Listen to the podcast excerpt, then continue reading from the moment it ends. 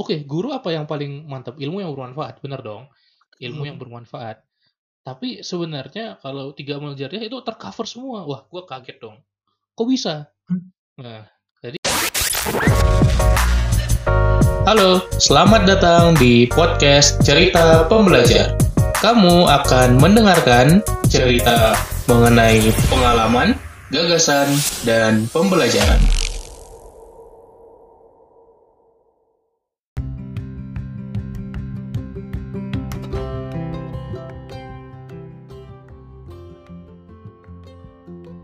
Halo sobat pembelajar di mana pun kalian berada, semoga kalian selalu sehat selalu ya. Dan untuk lo yang masih terus belajar di masa pandemi seperti ini, dua jempol buat lo, lo masih bisa produktif di momen di mana orang-orang pada merasa em, bingung untuk melakukan hal-hal yang lebih baik, bingung untuk gimana belajar lebih baik lagi, lo datang ke tempat yang sangat tepat. Seperti biasa di sini gue ditemanin langsung dengan Bang Umar Al Faruqi. Halo Bang Umar, gimana Bang kabarnya? Halo, halo Andra. Wah, luar biasa dan terus bersemangat untuk selalu sharing ke sobat pembelajar yang sedang mendengarkan. Mantap, pas banget. Karena kita mau gibahin elu sebentar lagi nih. Siap digibahin Bang? Wah, kenapa nih digibahin? Kok bisa digibahin? Ah, ini banyak orang-orang yang bertanya nih Bang. Bang Umar nih sering mempersonalkan branding Abang tuh punya ikigai mengajar. Ya Hmm. kan? Abang punya ikigai, Abang senang banget mengajar. Tapi pertanyaannya kenapa sih Abang tuh suka mengajar itu itu mungkin jarang banget diulas sih. Ah, mungkin titik balik di mana Abang merasa, wah ternyata mengajar nih adalah ikigai gue banget nih. Gimana tuh Bang? Oke, nice nice. Jadi memang eh, sedikit background gue sekarang dari dulu ya dari dulu sampai sekarang gue ngajar dan ngajarnya kalau dulu mungkin masih banyak di bidang akademik ya matematika fisika. Gue ngajar les ngajar privat tapi sekarang mungkin lebih banyak di bidang self development gitu dan eh, kenapa gue merasa itu sebagai ikigai ya? Ikigai itu irisannya banyak gitu ya tapi simpelnya gue senang melakukan itu dan gue merasa gue bisa melakukan itu gue jago melakukannya. Ya sederhananya itu dulu deh nah jadi gue menemukan itu kayaknya sejak gue SMP gue emang seneng ngajar teman gitu ya kalau dulu kan kita belajar bareng teman ada nanya gue bantuin gue ajarin cara ngerjainnya seperti apa materinya seperti apa dan kemudian ketika di SMA gue bikin suatu apa ya movement lah movement kita bikin kayak apa ya, simulasi bimbel begitu ya. Jadi kita kasih nama juga bimbelnya bertiga waktu itu bareng teman-teman di SMA. Terus kita bikin eh, les-lesan gratis yang ngajar ya kita gitu masing-masing murid SMA gitu. Tapi karena karena itu lebih accessible gitu ya daripada bimbel yang berbayar, kita bikin di teras masjid aja waktu itu. Ya waktu kita di SMA, gue SMA di Medan ada eh, di sekolah gue masjidnya lumayan luas lah terasnya pada waktu itu.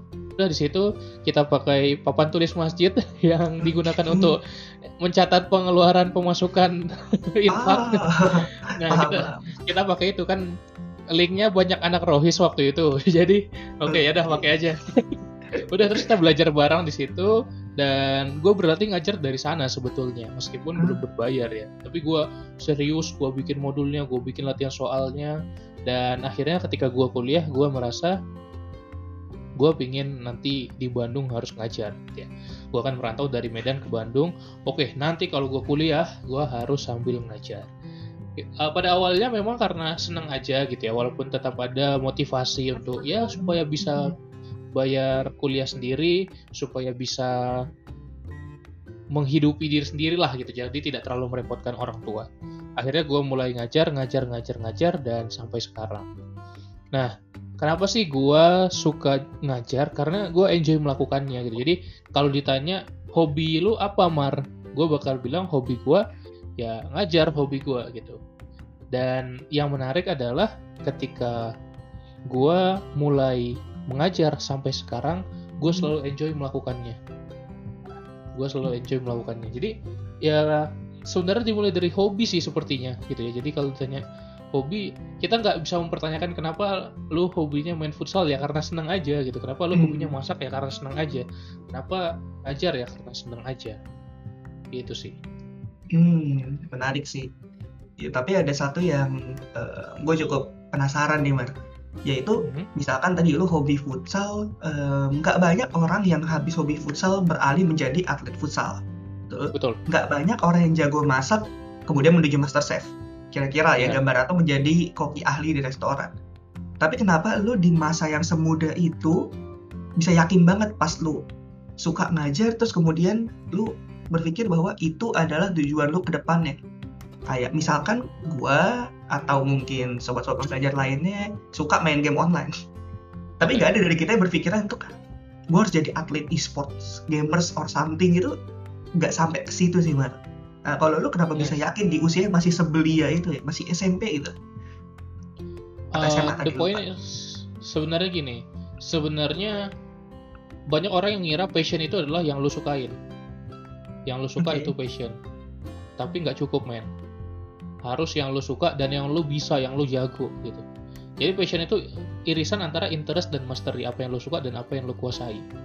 Kalau lu suka futsal, lu hobi futsal, apakah lu jago main futsal?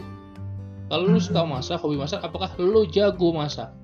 Dan kenapa gue bisa mengkonfirm itu? Karena gue suka ngajar dan gue merasa gue jago ngajar. Gitu. Hmm. Tentu kalau misalnya dalam hal ngajar eh, ada sisi konten dan sisi delivery ya. Kita harus tahu apa yang mau kita ajarkan dan kita harus bisa menyampaikannya dengan baik. Ya, materinya Oke. kita harus tahu. Karena banyak kan guru yang pinter banget, dosen yang pinter banget, tapi nggak bisa ngajar karena dia nggak bisa menyampaikan kepinterannya. betul Pernah nggak merasakan seperti itu? Ada ketemu Sering. guru dan dosen kayak gitu. Nah, sering banget ya itu jadi gue merasa gue jago menyampaikan eh, apa yang gue tahu gitu karena irisan dari dua-duanya centang gitu ya suka nggak centang ya suka jago nggak centang iya jago ya udah muncul irisannya jadilah ngajar Hmm, Gitu. Oke, oke. Oke. Em, thank you banget buat sharingnya. Jadi sebenarnya tujuan lo dalam jangka jauh ini tuh jadi guru di sekolah atau jadi dosen di fakultas kamar? oke nice jadi ketika mendengar kata guru atau pengajar sebenarnya gue tidak menitik beratkan hanya pada apa ya hanya pada guru di sekolah atau dosen di Oh. kampus ya sebenarnya banyak banget gitu. Ya kalau misalnya yang kita ketahui mungkin guru dosen atau guru les guru bimbel guru privat ya itu termasuk guru tapi tidak hanya itu. Gue bisa menjadi seorang mentor gue bisa menjadi seorang coach gue bisa menjadi seorang trainer. Misalnya trainer di perusahaan atau pengisi seminar gue bisa menjadi seorang public speaker yang mengajarkan suatu hal dan banyak lagi bentuk-bentuk format-format lainnya gitu. Kalau lu berasa eh, ada yang bisa bermanfaat dari podcast ini berarti gue mengajarkan something kan? Jadi sebenarnya Ah. formatnya itu luas sekali. Jadi gue memahami eh, pengajar gitu ya eh, seorang guru itu bisa dimaknai secara lebih luas bukan hanya yang ada di sekolah. Mungkin kita sering mendengar guru kehidupan gitu dan Iya. banyak lagi bidang-bidang lainnya yang bisa kita eksplor Ah, membuka wawasan banget deh. Selama ini gue pikir guru cuman yang di ya yang mengajar dalam lembaga formal pendidikan sih. Tapi bener juga sih ternyata apa yang kita lakukan selama ini juga secara tidak langsung menjadi guru kehidupan, betul nggak, Pak? betul betul banget Oke, ini keren banget sih. Eh, sebagai sebuah sosok pribadi yang suka mengajar nih, gue eh, menangkap lo nih orangnya bener-bener ngejar apa ya? Ngejar ngejar sebuah benefit yang nggak bisa dapat orang lain. Tadinya tuh gue kepikir kayak, wah Umar nih kalau sering ngajar banget nih, lo menerapkan salah satu pilar dari tiga pilar amal jariah. Yang mana kita menyebarkan ilmu yang bermanfaat. Jadi kayak emang lu bener-bener ngejar di situ, ya nggak sih, Mat? benar banget benar banget dan gue jadi ingat salah satu pesan dari seorang guru gue Hmm? dan itu cukup lama karena dia adalah guru SD pada waktu itu Kok lu Jadi? Eh, sebenarnya gini ini gue bakal ceritakan background story-nya. Dia nggak ceritainnya eh, pas dia SD tapi Oh, kita adalah nanti gue akan bahas eh, tadi yang ilmu yang bermanfaatnya. Dulu ketika gua SD sekitar kelas 4 itu ada konflik di sekolah gua. Sekolah gua sebenarnya sekolah yang gak terlalu terkenal lah tapi ada konflik antar gurunya sehingga banyak guru yang mengundurkan diri dari sekolahnya dan beberapa guru itu membentuk sekolah baru. Wah gokil. Itu Oke. seriously seriously mendirikan sekolah baru pada waktu itu. Dan ta- tanpa tanpa banyak persiapan budget segala macam enggak gitu. Ya udah eh, bikin sekolah. Dan waktu itu SD ya pada waktu itu SD Oke. Kemudian di sekolahnya itu kita belum punya tempat. Jadi kita numpang, bayangin sekolah numpang, men. Jadi lokal lokalnya itu kayak nu- numpang aja gitu. Kita kayak se- dia sewa tem- sewa tempat gitu. Dan Oh. ya akhirnya tapi berhasil bikin sekolah segala prosesnya dan Oke. karena banyak yang percaya dengan guru itu dan ya orang tua kita sih sebenarnya lebih percaya kan kita kan belum ngerti juga kan SD waktu itu tapi Oke. akhirnya join gitu dari 20-an 30-an 50-an tuh awal-awal itu eh, angkatan gue kelas 4 pada waktu itu kelas 4 cuma 20 orang kelas 5 nya cuma 8 orang kelas 6 nya cuma tiga orang pokoknya se- se- sedikit itu satu angkatan men satu angkatan Oke. Eh sebentar, lu berarti Nah. ikut ikut yang pindah ya, Marek? Bukan ikut yang pindah pertama. gue Ah, oke. Betul. gue ikut yang pindah dan gue melihat sih perjuangan mereka bikin sekolah dan ya walaupun gue masih kecil gue merasa wah ini bener-bener semangat banget guru-guru gue ini gitu Oke. gue belajar belajar banyak dari eh, banyak guru di sana eh, via Pak Yusri Pak Arbi itu beberapa guru yang masih memorable saya sekarang nah pertanyaannya kenapa gue ingat karena Hmm. kita yang sedikit kita jadi deket banget dengan guru Ah, jadi kita oke. eh, kedekatan emosionalnya itu dapat gitu bahkan sampai sekarang pun ya sebelum pandemi setidaknya kita masih ada buka bareng. Ya kita undang guru-guru ngobrol bareng segala macam Hmm. sedekat itu. Wow. jadi eh, itu menarik. Eh, kalau buat gue itu Hmm. menarik. Jadi eh, pesan-pesannya ya kita kita dapat pesan-pesan petuah-petuah.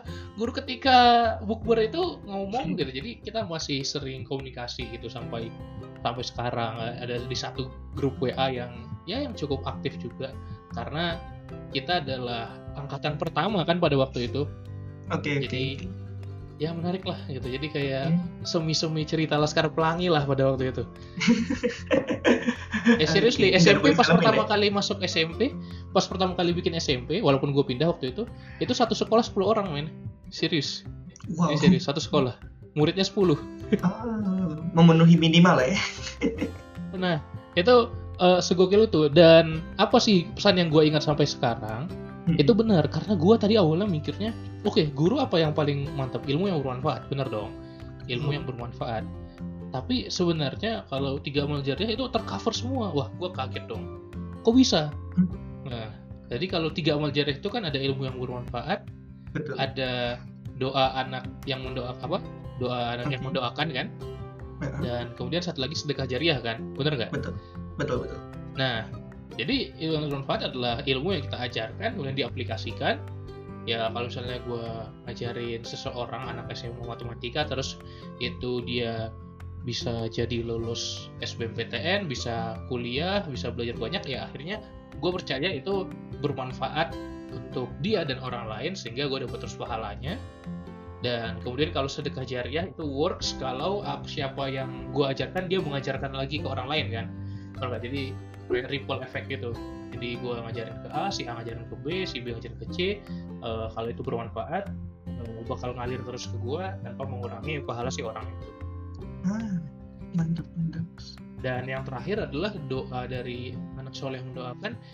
Eh, ini menarik sih karena kita perlu mempercayai bahwa guru adalah orang tua di sekolah dan orang tua adalah guru di rumah jadi itu eh, mindset yang menarik gitu. Jadi ketika ada yang mendoakan kita, ketik gini pasti ada satu atau dua guru di hidup kita yang berkesan banget kan.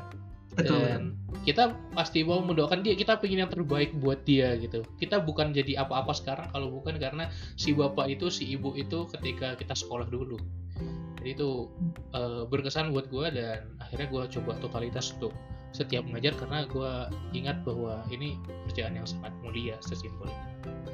Betul betul. Nih kalau gua lihat nih ikigainya dari empatnya lu dapat satu lagi lu dapat ya ada zona pahala tuh di atas Yes. tuh. Nah pahala isinya tiga tiganya ke cover semua luar biasa emang nih satu passion yang mungkin gak semua orang punya sih. Tapi melihat Tapi dari benefit, iya. Melihat Eh, dari ketika kita membahas ikigai, Oke lanjut Ran. Oke gue lanjut sedikit ya. Ketika kita membahas ikigai, maka lingkarannya kan ada empat. Betul. Ya, sobat pembelajar, lu yang lagi dengar ini bisa search ikigai di internet. Eh, Kan yang pertama itu adalah apa yang lo suka. Yang Betul. kedua apa yang lo jago, ya kan? Gitu.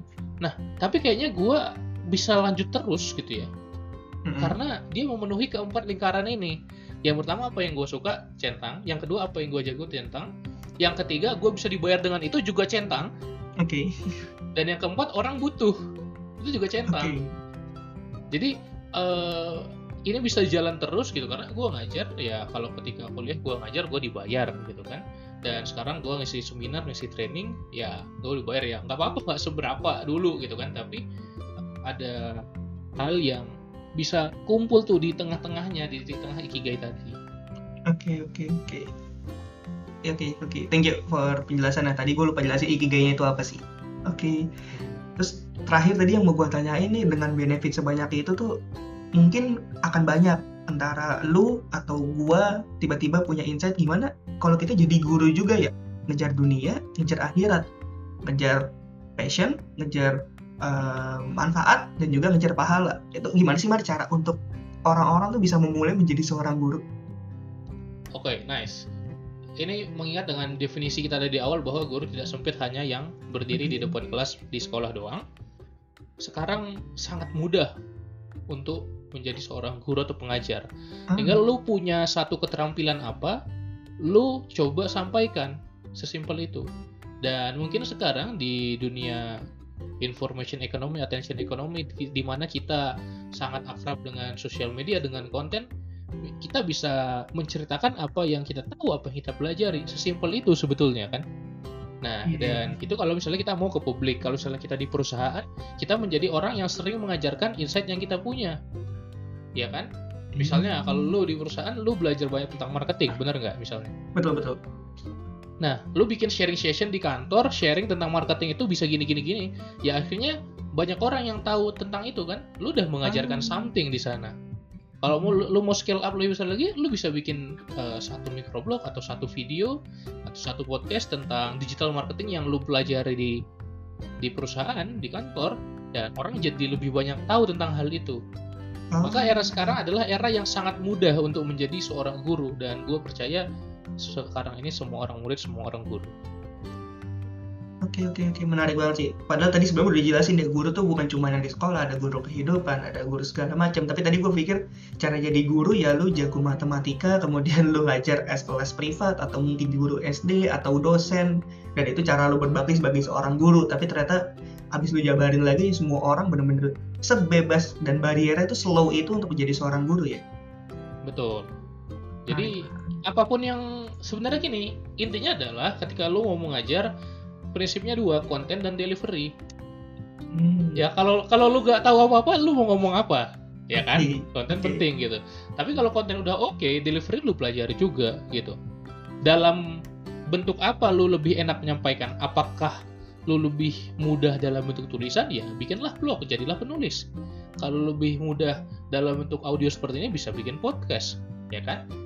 Kalau misalnya lu lebih seneng yang visual bisa dalam bentuk video gitu. Jadi poinnya adalah pertama konten, kedua delivery. Dua itu aja lu sebenarnya udah mengajarkan suatu hal. Dan Hmm. itu bisa apa pun ya. Terus du- mana ada dulu istilah guru produktivitas gak ada men gitu loh. Ya sekarang aja karena gua belajar itu, gua tahu kontennya, gua coba deliver dengan cara yang bisa gua lakukan. Memang tidak dapat dipungkiri, gua awalnya dari yang akademik tadi, dari ngajar matematika, ngajar fisika, gitu.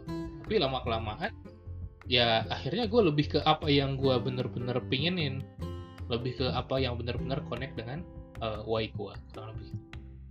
Thank you, thank you, thank buat buat sharing ini sih Mar. Ini mungkin sebuah pengetahuan yang kalau nggak lu sampaikan, gue baru tahu ini kira-kira 5 sampai 10 tahun ke depan. Tapi yang ngajarin pengalaman hidup bukan orang. Kayak oh akhirnya gue sadar guru tuh gini, tapi barusan lu sampein dan itu benar-benar membuka wawasan banget buat gue, buat lo sobat belajar sekalian yang baru mengetahui wawasan tentang guru nih berbahagialah kita belajar sebuah ilmu yang sangat bermanfaat dari orang yang sangat apa ya kredibel pengalamannya. Gitu sih. Thank you banget udah uh, sharing-sharing insight ini Mar. Um, thank you banget juga sobat belajar lo yang udah dengerin podcast ini. Semoga ini bermanfaat banget dan semoga ini nggak berhenti cuma sampai di pendengaran tapi juga bersampai ke tahap aplikasinya di mana kita bisa menjadi guru sekecil apa pun peran kita untuk orang-orang di sekitar kita. Tetap kejar apa yang bisa kita manfaat apa yang bisa kita berikan untuk orang lain manfaat apa yang bisa kita berikan.